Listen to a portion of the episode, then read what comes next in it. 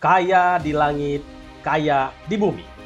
Sahabat, indahnya hakikat seorang muslim itu ketika menerima cobaan atau kesusahan mereka bersabar. Dan itu pun suatu kebaikan.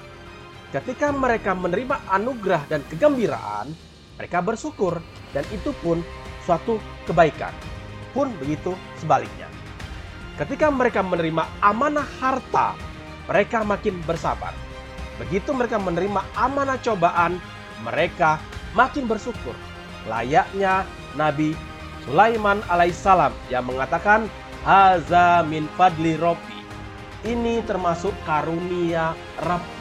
Ini termasuk karunia Tuhanku. Padahal saat itu kekayaan beliau tidak ada yang menandingi. Bahkan sebelum dan setelah orang-orang paling kaya di zamannya.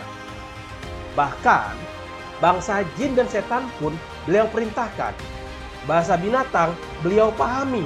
Angin beliau kendarai. Serta punya pasukan yang bisa memindahkan singgasana Ratu Saba dalam sekejaban mata. Allahu Akbar. Bagaimana kita meneladani kekayaan beliau yang terkenal baik di langit maupun di bumi tersebut? Minimal ada tiga tujuan seorang muslim agar menjadi kaya raya dan sejahtera dengan harta halal yang melimpah.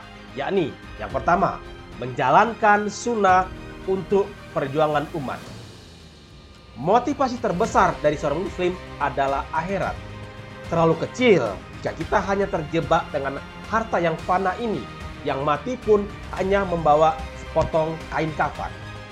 Maka menjadi kaya dan sejahtera adalah manifestasi dari melakukan perintah Allah taala dan menjalankan sunnah yang Nabi Muhammad wasallam contohkan.